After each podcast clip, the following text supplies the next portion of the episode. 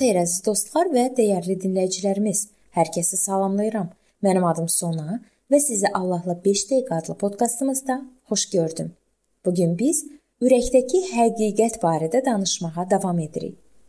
Qəlbdəki həqiqət insanı təqdis edən həqiqətdir. Yəhya 17:17-də yazılıb: "Onları həqiqətlə təqdis et. Sənin sözün həqiqətdir." Bəzən insanlar özlərini ucaltmaq üçün həqiqətən qeyri-salih şəkildə yararlanmağa çalışırlar. Allah isə qəlbimizdəki həqiqətdən onun qarşısındakı həqiqi vəziyyətimizi anlamağa yardım etmək üçün istifadə edir. Davuda Allah kəlamı belə idi. O adam sənsən. Onun qəlbinin təmizlənməsi prosesi məhz bu acı həqiqətdən başladı. Allah bizə də belə birbaşa müraciət edir. İnsan ürəyi hər şeydən çox hiyləgərdir. Çarəsi yoxdur. Onu kim başa düşə bilər? Yeremiya 17:9.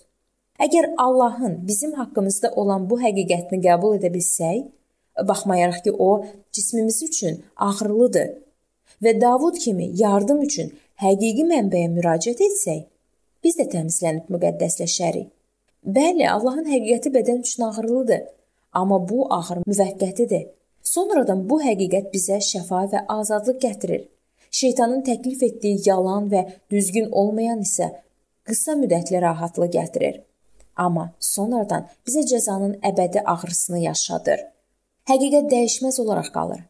Günahlarımıza görə bağışlana bilərik, yalanı da etiraf edə bilərik.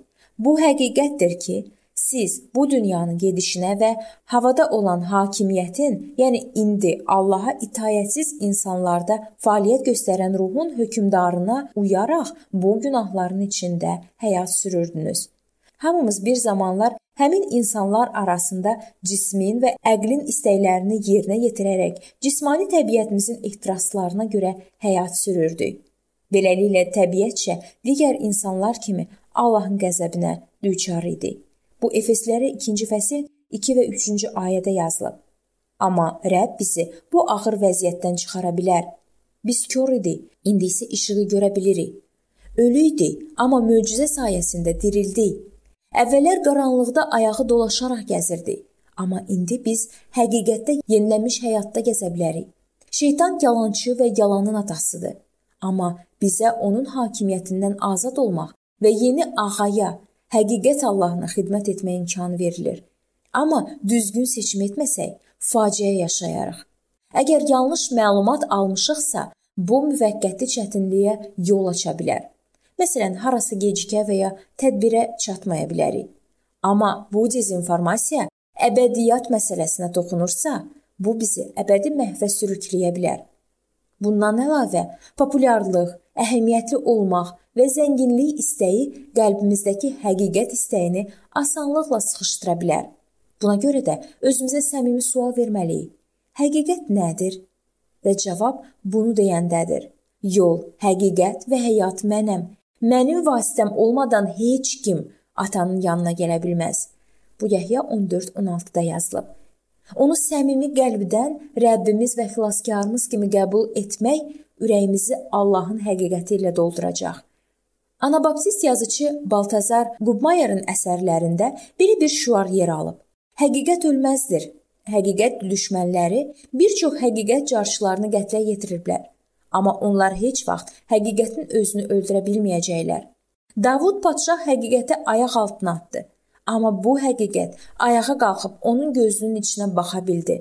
Yalana və riyakarlığa söykənmiş dünyəvi padşahlıqlar yaranıb yoxa çıxırlar.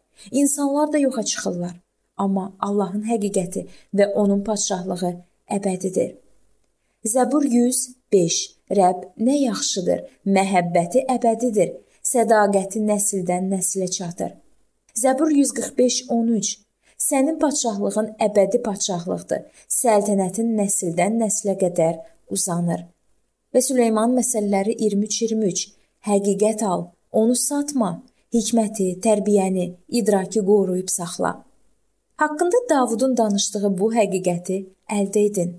O həqiqəti ki, insanın ürəyini və beynini doldurur. Bu dünyanın ötəri dəbləri və nəzəriyyələr haqqında səthi və qeyri-müəyyən fikirlər keçicidir Müqəddəs kitabda deyilir ki, xilas olmaq üçün həqiqəti sevdiklərinə görə bir çox insanlar öləcəklər.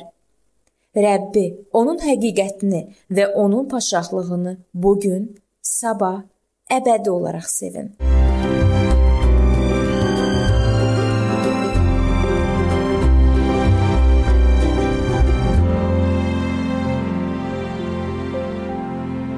Beləliklə əziz dostlar, bu yerdə bu mövzu sona çatdı.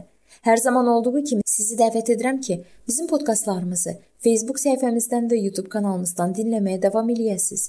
İndi isə mən sizinlə sağollaşıram və növbəti görüşlərdə görmək ümidi ilə sağ olun, salamat qalın.